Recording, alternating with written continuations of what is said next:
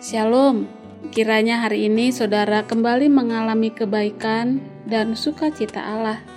Kita akan membaca, merenungkan firman Tuhan, mari kita berdoa.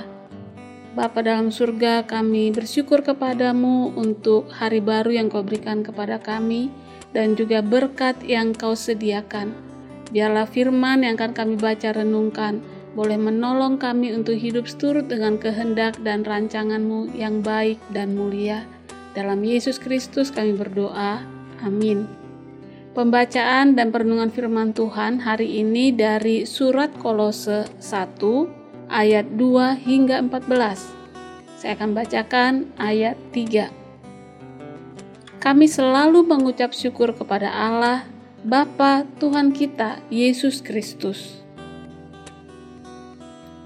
apa yang sesungguhnya kita kasihi dalam hati kita. Ada banyak peristiwa dalam kehidupan kita setiap hari yang ditandai dengan ratapan dan sukacita. Setiap hari kita merasakan sedih, marah, atau kecewa oleh sesuatu, dan setiap hari kita juga merasakan semangat, bahagia, sukacita, antusias, atau syukur atas suatu hal kasih sejati dalam hati kita disingkapkan antara kesedihan dan kesukaan. Mari kita pikirkan sejenak saat kita mengingat kembali suatu pekan yang indah. Apa saja yang membuat saudara bersemangat, puas, atau begitu bahagia, sehingga saudara menganggapnya hari yang baik? Ketika saudara merasa gembira dengan suatu relasi, apa yang menurut saudara memberikan sukacita? Jawablah dengan jujur, apa yang mendatangkan sukacita dan kepuasan dalam hati setiap kita. Di sisi lain, ketika saudara sangat kecewa pada kehidupan ini, apa yang membuat saudara kecewa, patah semangat? Saat saudara merasa iri pada hidup orang lain, apa yang menyebabkan timbulnya iri hati tersebut?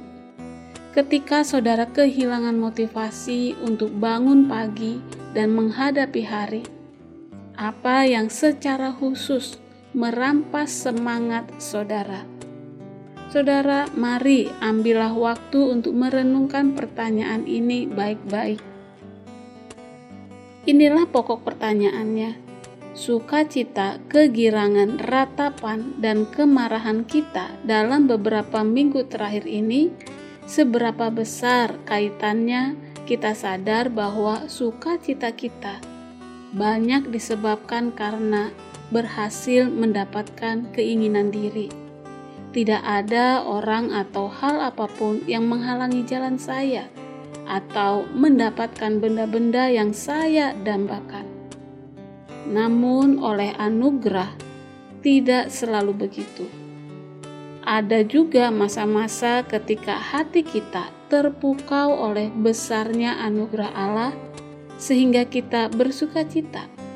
Ada juga saat di mana kita tertangkap dalam karya kerajaan Allah. Ada masa ketika kita sungguh merasakan sukacita dengan melayani sesama. Ada kalanya setiap kita benar-benar merasakan kepuasan dalam menyembah Allah.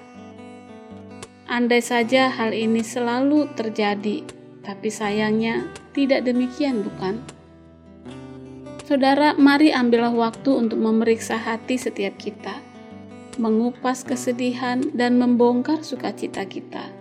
Saat melakukannya, kita akan melihat bahwa di sana ada bukti anugerah Allah yang sedang bekerja. Tetapi ada pula bukti bahwa kita memerlukan anugerah itu bekerja lebih lagi. Kita sudah diselamatkan dan masih dalam proses. Namun ratapan dan sukacita itu menyatakan bahwa perang dalam hati kita masih berkecamuk dan kita sama-sama memerlukan anugerah itu terus menyelamatkan dan mengubahkan kita setiap hari. Tuhan tolong kami untuk sungguh-sungguh bersuka cita, bersyukur atas kasih-Mu dan kehadiran-Mu dalam hidup kami. Amin.